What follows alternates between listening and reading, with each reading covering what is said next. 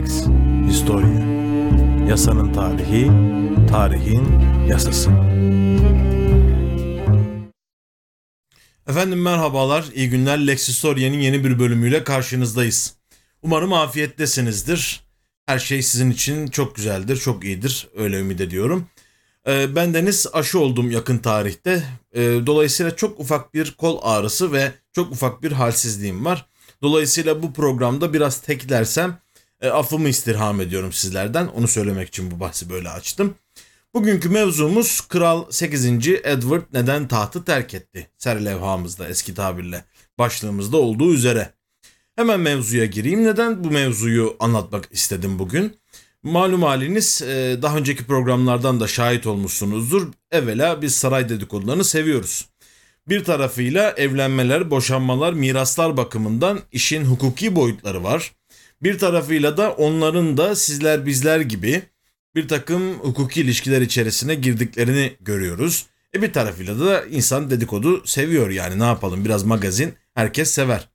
Dolayısıyla ben de bunu takip ediyorum ve sizlerle paylaşmaya gayret ediyorum. Son zamanlarda biliyorsunuz şayet e, uluslararası basını takip ediyor iseniz Kraliçe Elizabeth 70. jubile yılını kutluyor. Yani buna da Platinum jubile deniyor 70. E, yıla. Ve bu kutlamalar esnasında da aklıma şu geldi. Ya bu kadıncağız son sene içerisinde kocasını kaybetti ve torunlarından yana da fevkalade sıkıntılar yaşıyor.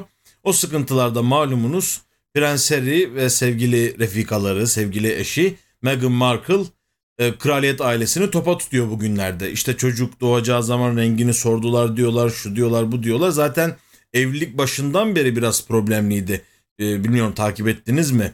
Meghan Markle daha önceden evlenip boşanmış olduğu için e, kraliyet ailesi bu evliliğe pek sıcak bakmamıştı. Böyle bunlar üzerine düşünürken aklıma şu geldi. Yani bu kraliyet ailesi skandallarının en büyüğü hangisi olsa gerek o da 8. Edward'ın tahtı terk etmesine sebebiyet verecek skandal diye düşündüm. Onun da sebebi şu çünkü bir monark bu skandallar yüzünden tahtını terk ediyor hem de 2. Dünya Savaşı'nın arefesinde. Dolayısıyla fevkalade önemli bir hadise. Dilerseniz öncelikle Edward'ın karakteriyle başlayalım. Edward'ı biraz tanıyalım. Yani nereden çıktı bu adam denilmesin. Bu arada bir mikrofonumu da düzelteyim şöyle. Evet. Ee, Edward bu resimde görmüş olduğunuz abimiz yanında da tahtı uğruna terk ettiği Wallace Simpson'ı görüyorsunuz. Tahtın veliaht prensi Edward. Hmm, tahta geçmede öncelik hakkı var. Fakat biraz gençliğinden itibaren biz o tabiri seviyoruz kullanmayı. Womanizer bir genç. Ee, biraz çapkınlığıyla meşhur bir genç ve bu durum kraliyet ailesinin her zaman dikkatini çekmiş. Hatta sırf kraliyet ailesinin değil İngiliz parlamentolarının da hükümetlerinin de sık sık dikkatini çekmiş. İlk ilişkisi Albay Charles Wilfred Birkin'in kızı Freda ile oluyor. Bu resimde görmüş olduğunuz e, Mahbube ile oluyor ilk ilişkisi. 1918'de başlıyor bu metreslik ilişkisi ve uzun yıllar sürüyor. Yaklaşık 10-11 yıl sürüyor.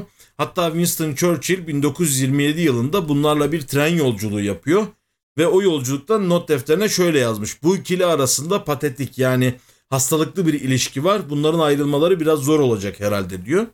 Fakat e, Churchill'in öngörüsü gerçekleşmiyor. Çünkü Prens Edward o zamanki lakabıyla 1929'da Freda'yı yüzüstü bırakıyor ve bir başka metres ediniyor. O da şurada ayakta görmüş olduğunuz oyuncu Thelma Furness.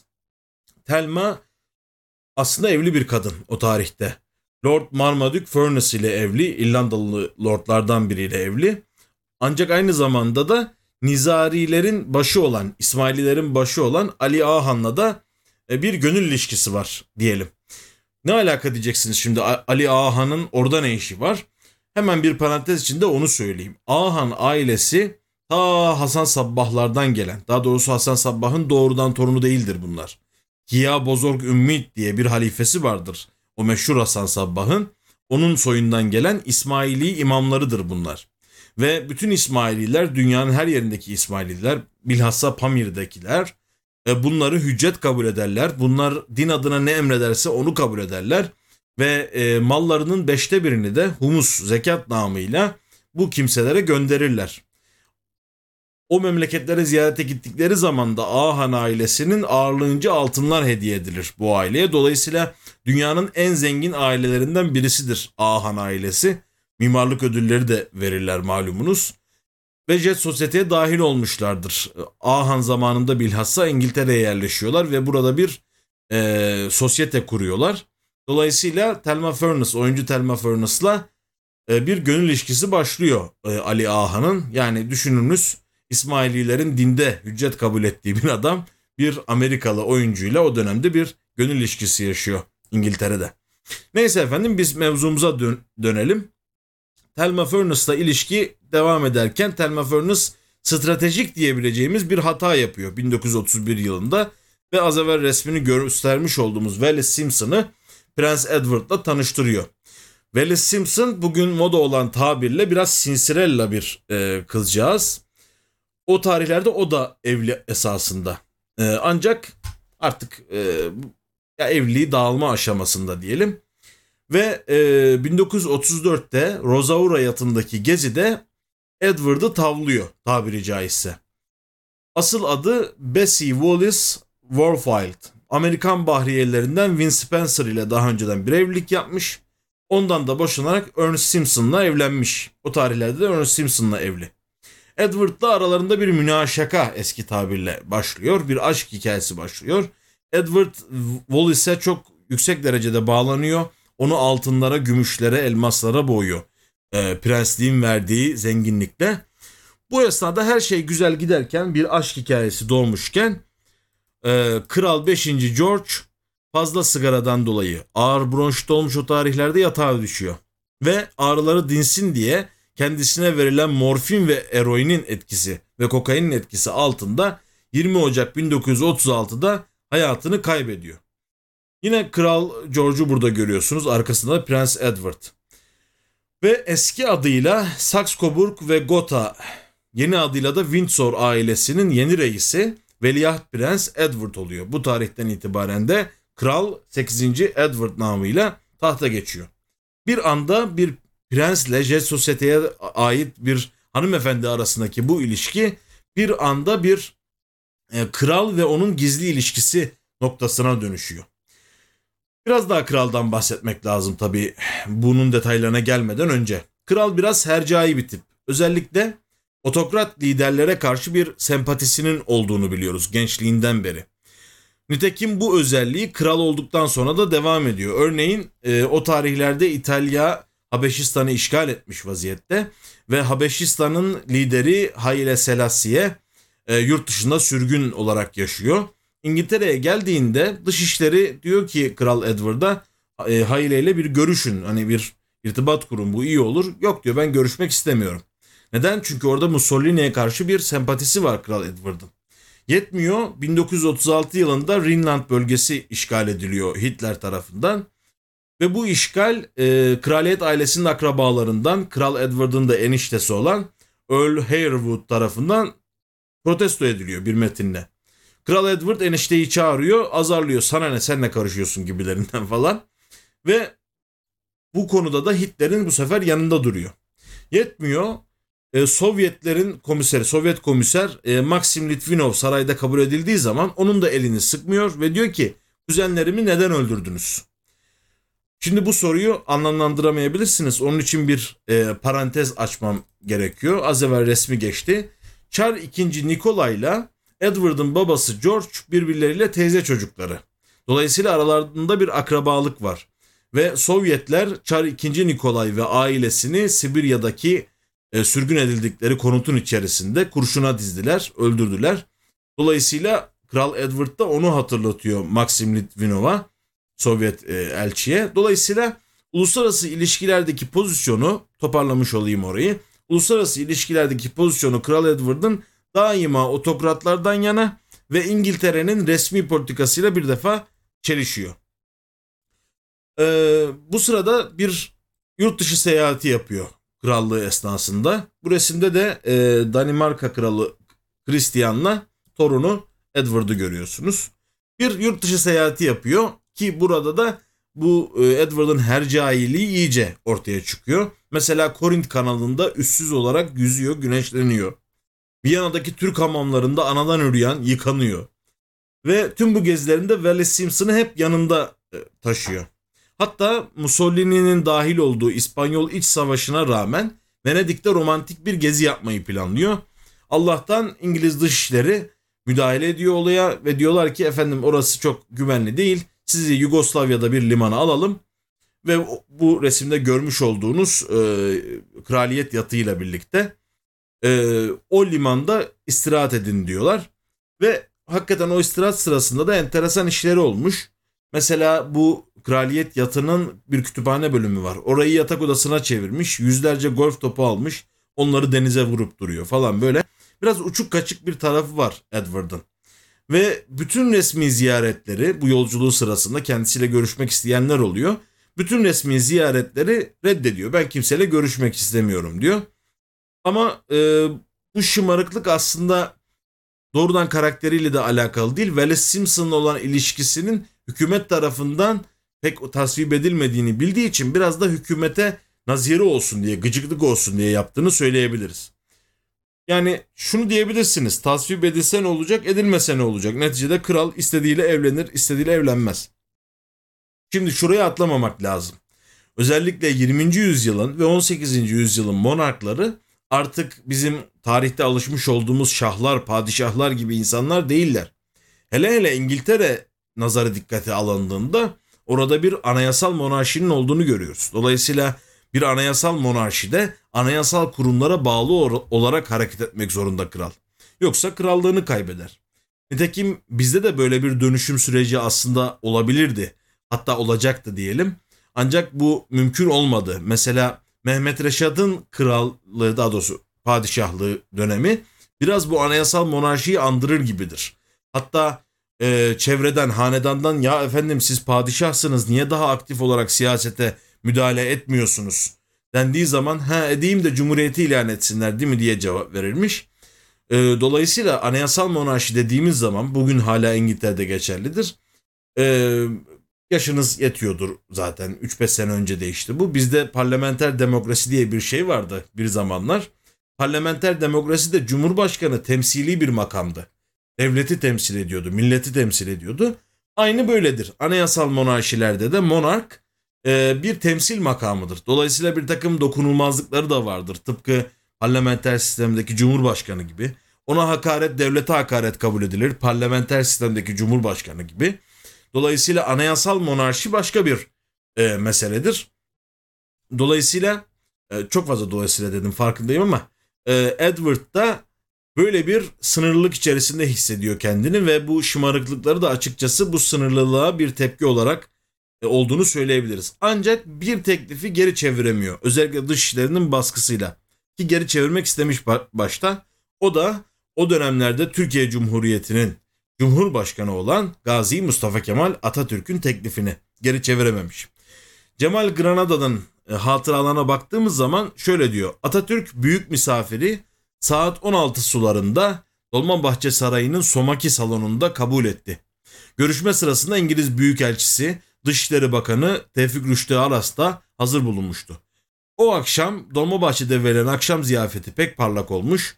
Atatürk'ün İngiliz sarayında verilen ziyafetleri yakından bilen birisine hazırlattığı sofra kralı sanki büyülemiş, Atatürk'ün zekasına ve inceliğine hayran kalmıştı. Öyle ki bir punduna getirip kral kendisini İngiltere'de zannettiğini bile söylemişti.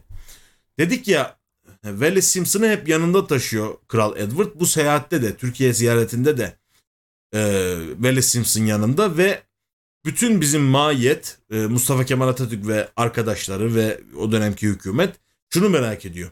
Wallace Simpson acaba bu ziyaretlere katılacak mı, katılmayacak mı?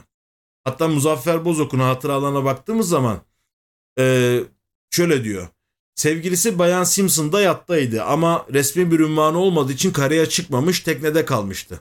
Edward'ın aşkını bilmeyen yoktu ve hepimiz koskoca İngiltere kralını kendisine aşık eden bu kadını görmeye can atıyorduk. Kral Dolmabahçe'nin rıhtımına mahiyetiyle beraber geldi ama madam yanında yoktu. Sonra Ertuğrul yatıyla bir gezi yapıldı. Merakımız daha da arttı. Demir almadan önce Atatürk'e madamı da davet etsek dedik. Ben de merak ediyordum ama pardon Atatürk de şöyle cevap vermiş. Ben de merak ediyorum ama kral protokol icabı getiremiyor cevabını verdi. Biz ısrar edince biz teklif edelim bakalım dedi ve krala Madame Simpson'u yatta ağırlamaktan memnun olacağını söyledi. Edward teklife fevkalade sevindi. Zira o zamana kadar sevgilisi hiçbir resmi programa katılamamıştı. Hemen motor gönderip hanımı getirttik ve Atatürk iltifat üstüne iltifat yaptı. Madame Simpson'ın nasıl biri olduğunu çok merak ediyorduk ama Atatürk meğerse bizden fazla merak ediyormuş. İşte böyle bir e, vetireyle, böyle bir vesileyle e, Wallace Simpson ilk resmi ziyaretini yapmış oluyor kralın metresi olarak. Bu seyahatte hepinizin malumu olan bir hadise vardır. Ben bu millete her şeyi öğrettim, uşaklığı öğretemedim diye böyle bir hadise vardır ya. İşte bu sofrada olmuştur. Wallace Simpson'la Edward'ın oturduğu sofrada olmuştur. Bir garson e, elindeki tabaklarla yerlere yuvarlanmış. Sofradakiler utançla önlerine bakmışlar ya işte ayıp oldu gibilerinden. Atatürk de ben bu millete her şeyi öğrettim fakat uşaklığı öğretemedim diye meseleyi kapatmış. Tabi bu bir latife yani ortalıkta e, epey bir kahkahaya da vesile olmuş o tarihte. Tabi bu seyahatine de devam ediyor. Edward çok seviyor e, bu seyahati e, ve kraliyet ailesine tahsis edilmiş nahlin yatıyla Kadıköy Moda'da yarış alanına gelmiş. Efendim bu sırada Celal Bayar'la İsmet İnönü ile Fethi Okyar'la görüşmeler gerçekleştirmiş. Ve hatta şöyle güzel bir şey de var. Bir kahve getiriliyor herkesin önüne. İşte Atatürk'ün önüne bir tane konuyor. Edward'ın önüne bir tane konuyor. Wallace Simpson'a kahve getirilmemiş henüz. Atatürk önündeki kahveyi Wallace Simpson'a takdim ediyor. Daha sonra ben de bir sahte, sade kahve rica edeyim diyor. Madame Simpson çok beğenmiş kahveyi. Hatta böyle biraz e, flörtöz bir şey herhalde o söylediği Madame Simpson'un. Ya işte ben bu kahveye çok alıştım ama e, bunu ne yapacağız? Hani ben İngiltere'de bulamam bu kahveyi diye. O da göndeririz efendim falan gibilerinden Atatürk de bu konuyu geçiştirmiş. Ancak Atatürk bu süreç içerisinde Wallace Simpson'ı ve Kral Edward'ı büyük ölçüde tetkik etmiş. Yine Cemal Granada'nın hatıralarına bakarsak korkarım ki bu herif tahtını bu kadın yüzünden terk edecek diye o tarihten teşhisi koymuş Atatürk. Dolayısıyla neticede de böyle olacak. Efendim kral da hediyeler getiriyor e, Türk heyetine. Bir viski şey getirmiş, kasa kasa viski getirmiş vesaire. Florya'da bir kokteyl partisi veriliyor yine Kral Edward'ın şerefine. Bu arada söylemem lazım. Kral Edward bu geziyi resmi bir gezi olarak yapmıyor. Windsor Dükü namıyla yapıyor. Çünkü resmi bir gezi olarak yapması için daha önceden programlanmış olması lazım falan. Windsor Dükü olarak yapıyor bu geziyi. Ve Florya'daki denizin e, güzelliğine, deniz köşküne ve plaj kumuna hayran kalmış. İleride de geleceğini söyleyerek İstanbul'dan ayrılmış. Biz tabi İngiltere'ye geri dönelim. Bu e, Kral Edward'ın İstanbul gezisi güzel. Adam keyfini etmiş ama İngiltere kaynayan kazan. Çünkü dediğimiz gibi muhafazakar İngiliz hükümeti bu evliliği onaylamıyor. Bu evlilik olmayacak diye ısrar ediyor. Ve bu Velis cadalozu da e, Kral 5. George öldüğü gün demiş ki bir gün İngiltere kraliçesi, kraliçesi olacağım diye tutturmuş kadın. Kafaya takmış. Dolayısıyla bizim e, kralımız Edward Manita ile devlet arasında sıkışıp kalmış. Hangisini ikna etse öbürünün tadı kaçıyor. Dolayısıyla ne yapacağını bilemez bir vaziyette. Yetmezmiş gibi 27 Ekim 1936 tarihinde Wallace Simpson'ın boşanma davası neticeleniyor ve Ernest Simpson'dan ayrılıyor. Böylece kraliçelikle Wallace arasında bir engel kalmamış oluyor. Bu sefer ısrar devam ediyor. Daha ağır baskı yapmaya başlıyor Wallace Simpson. Tabi buradaki mevzu şu. En büyük sorun şu. Anglikan Kilisesi daha önceki programlarımızda da bahsettik. Hristiyanlıkta evlenmek, boşanmak biraz daha zordur bize nazaran. Dolayısıyla Anglikan Kilisesi de bu geleneği, ananeyi devam ettiriyor. Ve onlardaki kaide şu. Bir kadın kocası hayattayken bir başkasıyla evlenemez. 2002'ye kadar Anglikan Kilisesi bu kaidede ısrar etti. Tabi böyle bir şey olunca muhafazakar bir e, parti iktidarda e, ekranda da görüyorsunuz Başbakan Baldwin o dönemin hükümetinin başında o çok fazla tepki veriyor. Ya biz bunu halka açıklayamayız. Çünkü e, parantez içinde söyleyeyim İngiltere kralları aynı zamanda Anglikan Kilisesi'nin reisi mesabesindedirler. Dolayısıyla düşünebiliyor musunuz? Yani Anglikan Kilisesi'nin başı Anglikan Kilisesi'nin kaidelerine aykırı bir evlilik yapacak. Bu pek mümkün değil. Tek sorun bu da değil. Çünkü Wallis Simpson'ın kırdığı cevizler, yediği naneler bini aşmış. Çünkü ilk evliliğinde Çin'de kalmış bir dönem o Bahriyeli ile evliliğinde Mussolini'nin damadı Galeza, Galeazzo Ciano ile gayrimeşru bir ilişkisi olduğu söyle, söyleniyor e, sosyete kulislerinde. Ve buradan işte bir çocuk aldırdığı söyleniyor. Yetmiyor işte orada bir takım e, kriminal olaylara karıştığı söyleniyor. Hakkında bir Çin dosyasının bulunduğu söyleniyor Wallace Simpson'la ilgili. Ve enteresan bir şey söyleyeyim. Sosyetenin hatıralarına baktığımız zaman o dönemde Velis'in yalnızca Çince tek bir cümleyi öğrendiğini görüyoruz. O Çin'de kaldığı yıllarda. Çocuk bana şampanya getir. Sadece bunu biliyormuş. Bu da tabii bir takım bir şeyleri ima ediyor e, Willis Simpson'la alakalı. Edward bu sorunu çözmek için bir ara form düşünüyor. O da morganatik evlilik denen e, literatürde böyle denen bir evlilik çeşidi. Bu eşit olmayanlar arası bir evlilik anlamına geliyor. Bizdeki tabirle e, gayri küfuv ile evlilik yani denk olmayanla evlilik. Bu evlilikte şöyle yapılacak. Kral Edward bütün ünvanlarını koruyacak. E, Royal Majesty olarak, His Royal Highness olarak devam edecek. Karısına da hiçbir şey denmeyecek. En fazla belki bir düşeslik vesaire verilir. E, böyle bir teklifte bulunuyor ancak e, hem Baldwin, Başbakan Baldwin hem de Avustralya, Kanada ve Güney Afrika başbakanları bu teklifi reddediyorlar. Ya onlara ne diyeceksiniz? Bugün hala Kanada ve Avustralya ee, bir ölçüde İngiltere'ye bağlıdır. Yani o e, dominyon, eski dominyon geleneğinden gelen bir şey detayına girmeyeyim. Neyse Wallis de bu hadisenin iyice büyüdüğünü fark edip Fransa'nın Kan şehrindeki Villa Louis'ye yerleşiyor. Tabi şunu söylüyor e, Wallis'in avukatı John Theodore Goddard. Aslında müvekkilim her şeye hazır. Yani bu ilişkiyi sonlandırmaya da hazır ama Edward bu konuda çok ısrarcıydı diyor. Bu konuda çok ısrarcı ama e, o dönem hükümetten destek bulamıyor. Tekrar etmeye lüzum yok ama bazılarından destek buluyor bazı kimselerden. Mesela karısı Clementine tarafından kralların ilahi haklarına son inanan kişi olarak tarif edilen Winston Churchill krala destek vermiş. Ve ona demiş ki kralım biraz sakin olun, biraz e, sabredin biz bu sorunu çözeceğiz. Ne var ki bu sorun pek çözülecek gibi durmuyor. Bir tarafta da yine e, veliaht George var. Onun tahta geçmesi falan konuşuluyor. Nihayet e, kralın destekçilerinden, e, bu evliliğe destek verenlerden Beaverbrook'un Churchill'e söylediği gibi horozumuz dövüşmeyi bırakıyor. Ve masa, e, pazarlık masasına oturuluyor. Edward yerine gelecek olan Kraliçe Elizabeth'in de babası olan George'a şunu teklif ediyor. Yılda 25 bin sterlin maaş alacağım ve tahttan feragat edeceğim. Ve bir mal beyanında bulunuyor. Bu esnada 90 bin sterlin toplamda mal varlığının olduğunu söylüyor. Tabii ki yalan. Ee, bu servetinin onda biri esas itibariyle. Ve kardeşi George lehine tahta çekili, tahttan çekilirken e, bir takım mal varlıklarını da George'a satmayı planlıyor. Sandringham House ve e, Belmulur Castle'ın satışına ilişkin bir sözleşme de yapıyorlar. Ve burada argo tabirle söyleyeyim kardeşini kazıklıyor açıkçası. Ve iki kardeş arasında daha sonra hiç kapanmayacak bir soğukluk buradan başlıyor.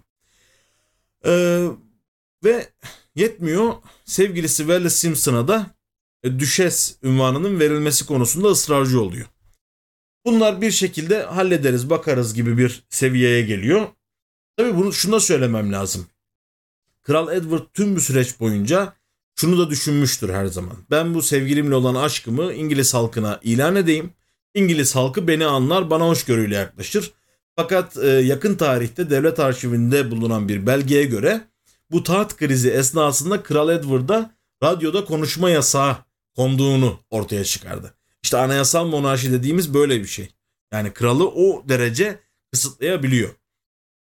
Ee, ve Netice itibariyle anlaşma bir şekilde sağlanıyor. Bu meyanda da 10 Aralık 1936'da 326 gün süren taht serüveni Kral Edward'ın sona eriyor. Edward bu sefer yasak kaldırılmış radyonun başına geçiyor ve şunu söylüyor. Ağır sorumluluk yükünü taşımayı e, sevdiğim kadının yardımı ve desteği olmadan yapmak istemediğim gibi kral olarak görevimi yerine getirmeyi de imkansız buldum diyerek tahtı terk ediyor.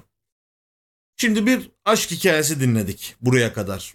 Yani evet biraz hercai, biraz sıkıntılı bir tip Kral Edward ama netice itibariyle aşkı için e, dövüşmeyi bırakmış ve kardeşine, kardeşi lehine tahtı terk etmiş. Tabi şunu da söyleyeyim. Bugün Kraliçe Elizabeth tahttaysa bu terk ediş sayesinde. Yoksa Edward'ın çocukları devam edecekti. Yani o şeyi değiştiriyor. Veraset sistemini değiştiriyor. O, o, o bağlamda okumak lazım o konuyu. Fakat mesele bundan ibaret değil. Mesele de şu. Bu resimde görmüş olduğunuz mesele. Dünyanın son dönemde gördüğü en büyük canilerinden Adolf Hitler, Kral 8. Edward ve Wallis Simpson. Kral Edward tahtı terk ettikten sonra Fransa'ya gidiyor ve Almanya ile de yakın ilişkiler kuruyor. Bu ilişkilerin daha önceden başlamış olabileceği düşünülüyor. Ee, neticede parlamento ve hükümet iki koca eskitmiş Wallis Simpson'ın müstakbel kraliçe olmasına karşı. Ama İngiliz gizli servisi de Bayan Simpson'ı takip altına alıyor. Takibat altına alıyor ve bu Amerikalı hanımın kralın yanı sıra e, Guy Marcus Trundle adında bir otomobil satıcısıyla da kırıştırdığını fark ediyorlar. Bu takipler esnasında ya bir şeyler daha bulabilir miyiz gibilerinden kralın sevgilisini şunu fark ediyorlar. Kralın sevgilisi Hitler'in o tarihlerde Londra Büyükelçisi olan ve daha sonra da Nazi Almanyası'na Dışişleri Bakanlığı'na getirilen Joachim von Ribbentrop'la da beraberliği varmış. Onu da yakalıyorlar. Tam bir Nazi sempatizanıymış bu Wallace Simpson. Ve sarayda konuşulanları günü gününe Alman Büyükelçisi'ne naklediyormuş. Bunlar ortaya çıkıyor. Sadece nakletmekle de kalmıyor. Üstelik elçiyle aralarında bir gönül ilişkisi bile var. Dolayısıyla böyle bir e, ilişkinin tasvip edilmesi siyasi açıdan çok büyük bir problem İngiltere için. Bununla birlikte İkinci Dünya Savaşı konularında uzman bir tarihçi Martin Allen yaptığı araştırmada e, aslında konusu Windsor ailesi değil. E, bu Edward'ın ailesi değil. Charles Eugène Bödö isimli kran, karanlık bir Fransızın 2. Dünya Savaşı sırasındaki rolünü inceliyor. Ve Fransız gizli servisinin 1917 tarihli çok gizli bir belgesi dikkatini çekiyor bu esnada. Belgede e, Bödö'nün İkinci Dünya Savaşı sırasında Almanya hesabına casusluk yazdı, yaptığı yazıyor. Alan'ın aklına da şu geliyor. 1937 yılında bu e, adam yani Charles Eugène Tourain'deki muhteşem şatosunu Edward ve Wallace Simpson'ın evlilikleri için bir düğün salonu haline getirmiş.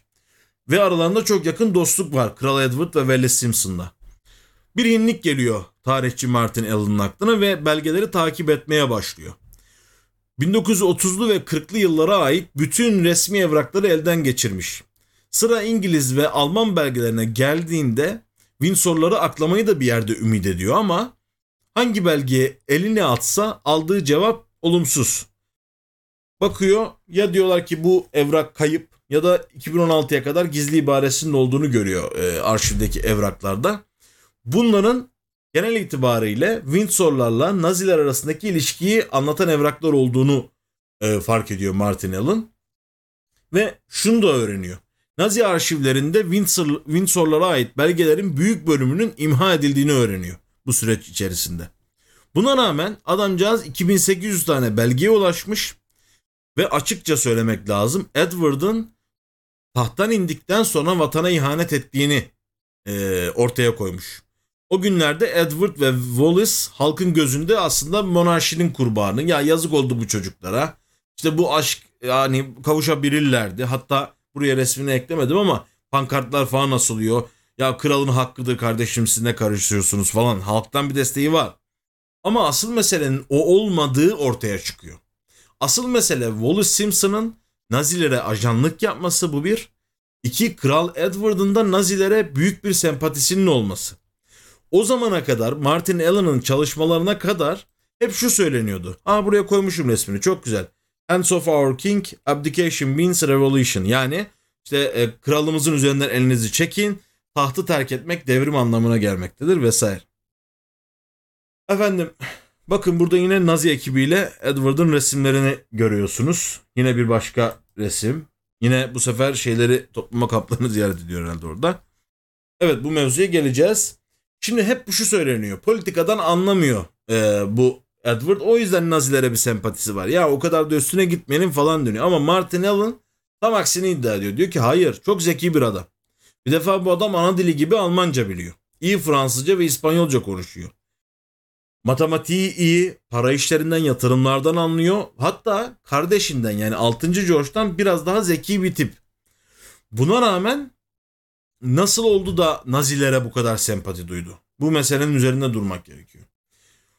Şimdi Alan'a göre son derece egoist bir çift bunlar aslında. Yani o 2. Dünya Savaşı esnasında Avrupa kan ve gözyaşı içerisinde. Her tarafta harp var, darp var, insanlar birbirlerini öldürüyorlar. Bunlar o villa senin, bu köşk senin, bu şato senin dolaşıp duruyorlar. Ee, bu bağlamda İngiltere için de bir sorun haline geliyorlar. Yani Edward'ın daha önceki e, sempatisini anlıyoruz ama tahttan indikten sonra bunu açıkça ortaya koyması ve Nazilere bir yerde ajanlık yapması çok tuhaf bir hadise. Çünkü şöyle bir hadise var. Fransız birliklerini teftişe gidiyor. İngiltere'nin bir görevlisi o dönemde e, Windsor Dükü namıyla Fransız birliklerini teftişe gidiyor. İngiltere'nin müttefiki ya o zamanlar. Bunları teftişe giderken hemen buradaki görüşmeyi bitirdikten sonra gidiyor dostu Charles buluşuyor. Charles buluşmasında uzun uzun sohbet ediyor. Acaba neyi anlatıyor? Muhtemelen Fransız birliklerinin dizilişini vesaire de anlatıyor. Böyle olunca Londra hükümeti vaziyeti uyanıyor ve Edward'a bir ultimatom gönderiyor. Charles Eugene Bedeau adlı şahısla bütün ilişkilerinizi kesiniz. Bu ilişkileri kesmeniz ülkemizin menfaati icabıdır. Ancak Dük ve eşi e, pek kulak asmıyorlar bu hadiseye. Hatta bu süreç içerisinde Hitler, Hitler de kendileriyle irtibata geçiyor. Zaten resimleri gösterdik. Ve onlara şunu teklif ediyor. Sizi diyor tarafsız bir ülkeye çağıralım. Or- oraya kaçıralım. İngiltere'ye de siz oradan radyo üzerinden teslim olma çağrısı yapın. Bu korkunç bir ihanet noktasına geliyor yani Edward'ın yaptığı bu iş. Netice itibariyle burada bakın e, operasyon operasyon Willy yani Michael Block'un bu güzel bir kitabıdır. E, Naziler kaçırıp bu şekilde bir teslim ol çağrısı yapması için bir operasyon planlamışlar. E, o operasyon adı Willy ve onunla ilgili bir kitap ekranda görüyorsunuz. Bu hadise filmlere de konu olmuş bir hadise. Şimdi bu Fransa e, meselesi şu. Fransa işgal edildikten sonra Kral Edward ve sevgilisi Wallis Simpson İspanya'ya geçiyorlar. Zaten İkinci Dünya Savaşı sırasında dediğimiz gibi çok duyarsız bir tutumları var. E Fransa battıysa biz de İspanya'ya gidelim deyip orada günlerini gün etmeye başlıyorlar. Ve Nazilerin aklına şöyle bir şey geliyor. Biz bu Edward'ı alalım, İngiltere tahtına geçirelim. Önce teslim ol çağrısı yapsın. Daha sonra da İngiltere'yi ezelim, Edward'ı tahta geçirelim. Nasıl olsa bizim adamımız diye düşünüyorlar. Bunu fark eden Churchill bir zamanlar evliliğine destek verdiği Edward'a bir mesaj gönderiyor. Diyor ki İngiliz toprağına dönmezseniz Yüce Divan'da yargılanacaksınız. Bunun üzerine bundan da korkuyor Edward. Kabul ediyor e, İngiliz topraklarına dönmeyi. Fakat İngiltere'ye döndürmüyorlar Edward'ı. Onun yerine Bahamalara yönetici olarak atıyorlar. E, bu süreç Willy operasyonu ve Kral Edward'ın Bahamalara atanma süreci yakın tarihe kadar üzeri örtülü bir meseleydi. İşte dedikodu olarak konuşuluyordu ama e, şöyle söylemek lazım. Marlborough dosyalarından başlayan bir meseleydi bu. Marlborough dosyaları da neydi? Nazilerin bir kısmı imha edilmiş evrakları. O günlerde ortaya çıkmıştı ve o günlerden bugüne kadar gelen bir hadiseydi. Martinelli'nin çalışmasıyla da tamamen ortaya konmuş oldu o süreç. Dolayısıyla özetle söyleyecek olursak Barry Simpson büyük bir Nazi sempatizanı ve e, Edward'la birlikte Naziler lehine çalışmışlar 2. Dünya Savaşı boyunca. Zaten savaştan sonra da Dük yani Kral Edward Almanlara hayran olduğunu itiraf ediyor. Ama Nazi yanlısı değilim diyor. Hitler hakkında da şöyle yazmış. Führer tiyatrocuya benzeyen duruşları ve bombalayıcı iddialarıyla yani yüksek dozdaki iddialarıyla bana biraz saçma bir figür olarak geldi diyor. Ee, bununla birlikte mesela 1950'lerde yine bir röportaj vermiş ve şöyle söylemiş. Savaşın sebeplerinden biri de Roosevelt ve Yahudilerdir diye bir ifade kullanmış. Ondan sonra yine 1960'larda e, Baron Kirnos'tan e, bir arkadaş e, Patrick Balfour şöyle söylemiş. Hitler'in bu kadar kötü bir adam olduğunu düşünememişim gibilerinden böyle gayri ciddi bir şeyle e, bu meseleyi geçiştirmiş. Burada da yine Hitler'le Edward'ın bir resmini görüyorsunuz. Bahamalara bunlar gönderiliyor vesaire. Bundan sonraki sürece bakacağız ama parantez içinde şunu söylemem lazım. Yani bu adamın bir kral olarak Almanlara ve Nazilere ilgi duymasının sebebi neydi? Öncelikle şunu söylemek lazım. Genel anlamda Savile Row faşizm denen bir mesele var. yani bu bir sokak İngiltere'de ve bir İngiliz faşizmi var o dönemde yükselen. Ayrıca bunların Alman oldukları da unutulmasın. Nereden Alman oluyorlar? O da şu. Büyük dedeleri ee, King Albert Saxeburg Gotha. Bu adı bu. Ee, aileye de adını veren o, odur zaten. King Albert yani Kral Albert. Kraliçe Victoria'nın resimde görmüş olduğunuz güzeller güzeli kraliçemizin eşidir. Ve aslında Alman asıllı bir ailedir bu kraliçenin ailesi bir tarafıyla. Hoş baktığınız zaman Avrupa'daki bütün monarklar hatta Avrupa halkının çoğu Germen asıllıdır zaten. Ee, Hitler'in projesi de işte o Germenleri birleştirmekti bir tarafıyla. Ee, bununla birlikte e, Birinci Dünya Harbi sıralarında bir Alman nefreti doğmuştur İngiltere'de. Windsor ailesinin bu ismi almasının sebebi de Salzburg ve Gotha e, ismini bırakıp bu Alman düşmanlığıdır. Burada resimde görüyorsunuz Kral George e, Made in Germany yani Alman malı olan her şeyi tacı tahtı eliyle süpürüyor ve Windsor adını alıyor. Bu Windsor adını almaya e, bizim Edward o zamanlar karşı çıkmış. Ve Alman nefreti o kadar büyümüş ki e, Birinci Dünya Harbi esnasında Alman köpeklerini bile yolda tekmelemiş İngilizler yani o kadar büyük bir nefret başlamış. Fakat o e, böyle düşünmüyor. Nitekim akrabası olan e, Kaiser Wilhelm'i de ziyaret ettiğinde Almanya'ya büyük bir hayranlık besliyor. Yani önceden gelen, çocukluğundan gelen bir sevgisi var Almanlara karşı. Ve bununla birlikte dediğimiz gibi bunlar hep aslında bir aile, e, bir ailenin çocukları. Hadi o zaman e, günümüze gelelim tekrardan. Biraz böyle bugün fazla atlayıp zıplıyoruz ama umarım e, keyifli oluyordur sizin için. Kraliçe Victoria bugün tahtta olan pek çok monarkın hatta bir istisnayla bütün monarkların bir yerde nenesi sayılır. Bu nedenle kendisi hakkında Avrupa'nın anannesi, Avrupa'nın nenesi denir. Nitekim e, Kral Christian'a da Avrupa'nın kayınpederi denir. O da hep kızlarını böyle monark ailelere verdiği için. Bu da nedir? Bugünkü monarkların hepsi aynı soy takip ederler. Mesela birkaç tanesini göstereyim size. Bakın burada görüyorsunuz. Yakın tarihte ölen Prens Philip ve Elizabeth arasında bir kuzenlik ilişkisi var bir tarafıyla baktığınızda. Devam edelim. Mesela Norveç kralı Harald. O da ee, yine Victoria'nın torunları arasında. Yakışıklı İspanyol kralı Felipe. Ondan sonra İsveçli Carl Gustav. Danimarkalı e, kraliçe Margaret.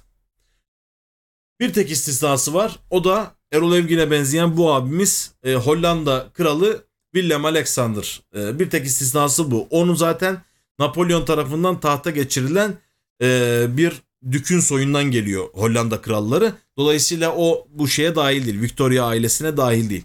Ama bir tek istisnası bu. Ha bir de şunu da belki söyleyebiliriz. E, Belçika kralı e, Philip doğrudan Victoria'nın soyundan gelmemekle birlikte Victoria'nın amcası Leopold'un soyundan geliyor. Dolayısıyla o da akraba. Yani hatta Birinci Dünya Harbi için e, akrabalar kavgası da denmiştir. Nitekim Wilhelm'e baktığınızda o da Victoria ailesine mensup. Ondan sonra Rus çarı e, 2. Nikolay'ın yani bizde de harbeden o 2. Nikolay'ın eşi Alexandra Feodorovna o da Victoria soyludur. Ondan sonra 2. Nikolay dediğimiz gibi teyze çocuğudur Edward'ın. Romanya kralı 1. Mihail, Yugoslavya kralı Peter ve hatta son Yunan kralı 1973'te gönderilen son Yunan kralı 2. Konstantin de aynı ailedendir. Dolayısıyla bu e, ailesel bir yakınlık var bir defa Almanlara karşı ve gerek Birinci Dünya Harbi'nde gerek İkinci Dünya Savaşı'nda Edward her zaman şunu düşünüyor. Ya biz hep yanlış hata oynuyoruz. Bu Almanlara destek vermemiz lazım. Hani ne işimiz var akrabamız olmayan insanlarla gibi bir telakkisi de var. Her ne kadar Rusya ile akrabalık olsa da neticede Fransa var o ittifakın içinde. Birinci Dünya Harbi'ni düşündüğünüz zaman. Ee, nitekim geçenlerde bir resim Twitter'a düştü Prens Philip'in ölümünün ardından. Kendisine Nazi falan dendi. O da bu cenaze resmi. Şimdi e, bu aslında nahak bir eleştiri açıkçası Prens Philip için. Yani böyle söylemek lazım. Adamın kendisi Nazi değil ama ailesinde çok Nazi var. Bu eğilimden dolayı, o e, akrabalık bağlarından dolayı. Neden diyeceksiniz? Kız kardeşi Cecil, Prens Philip'in Hesse Grand Dükü e, George Donatus'la evli. Sophie yine Hesseli Prens Christoph'la evli. Bu her iki damat da Nazilerin sempatizanı. Hatta sempatizanlıktan da öte Nazilere fiilen de destek vermişler. Mesela Sophie'nin oğlunun adı Karl Adolf.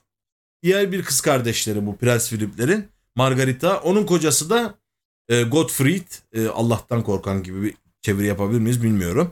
O da orduda görev almış. Hoş e, Gottfried şey yapıyor. 1944'te Hitler'e suikast düzenleyen ekibin içine de giriyor ama başta o da Hitler destekçisi.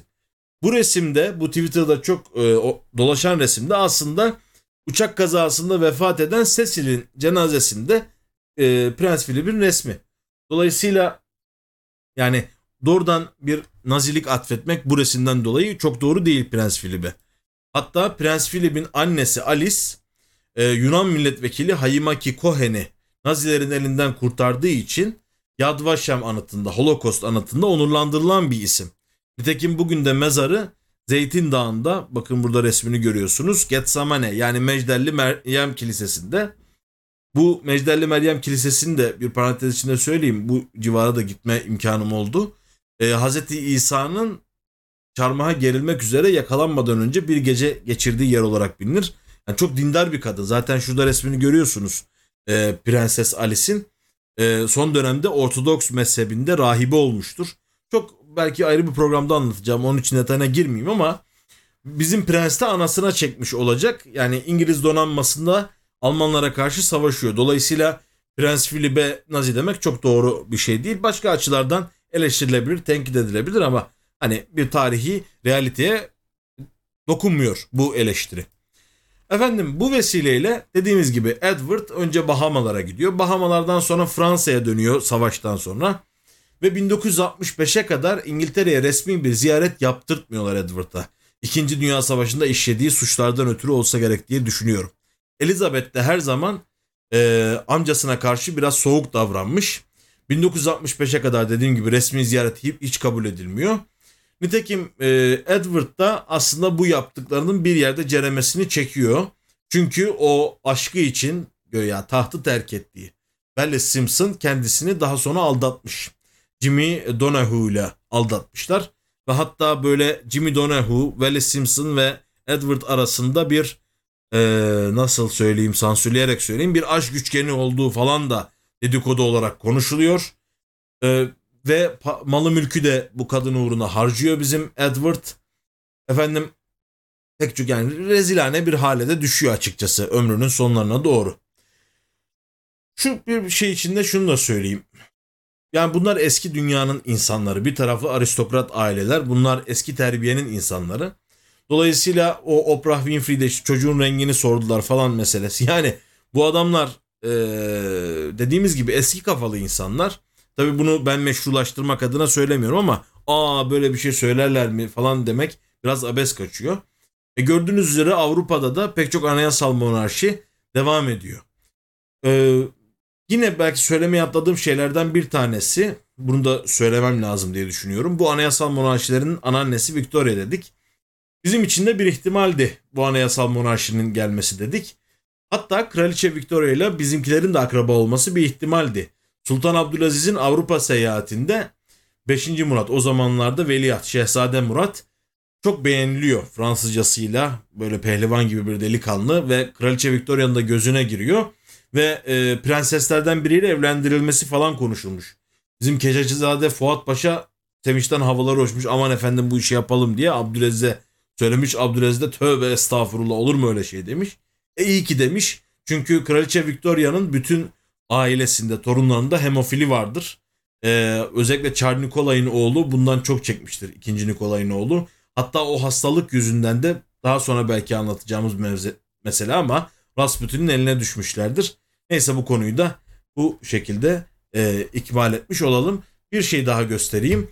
E, şayet siz kravatınızı böyle bağlıyor iseniz Kral Edward'a teşekkür borçlusunuz. Bugün hayatını anlattığımız çünkü buna Windsor düğümü adı veriliyor ve Kral Edward tarafından bulunmuş. Herhalde bu adamın da insanlık tarihine faydalı olarak tek bıraktığı şey bu kravat düğümü olsa gerek diye düşünüyorum.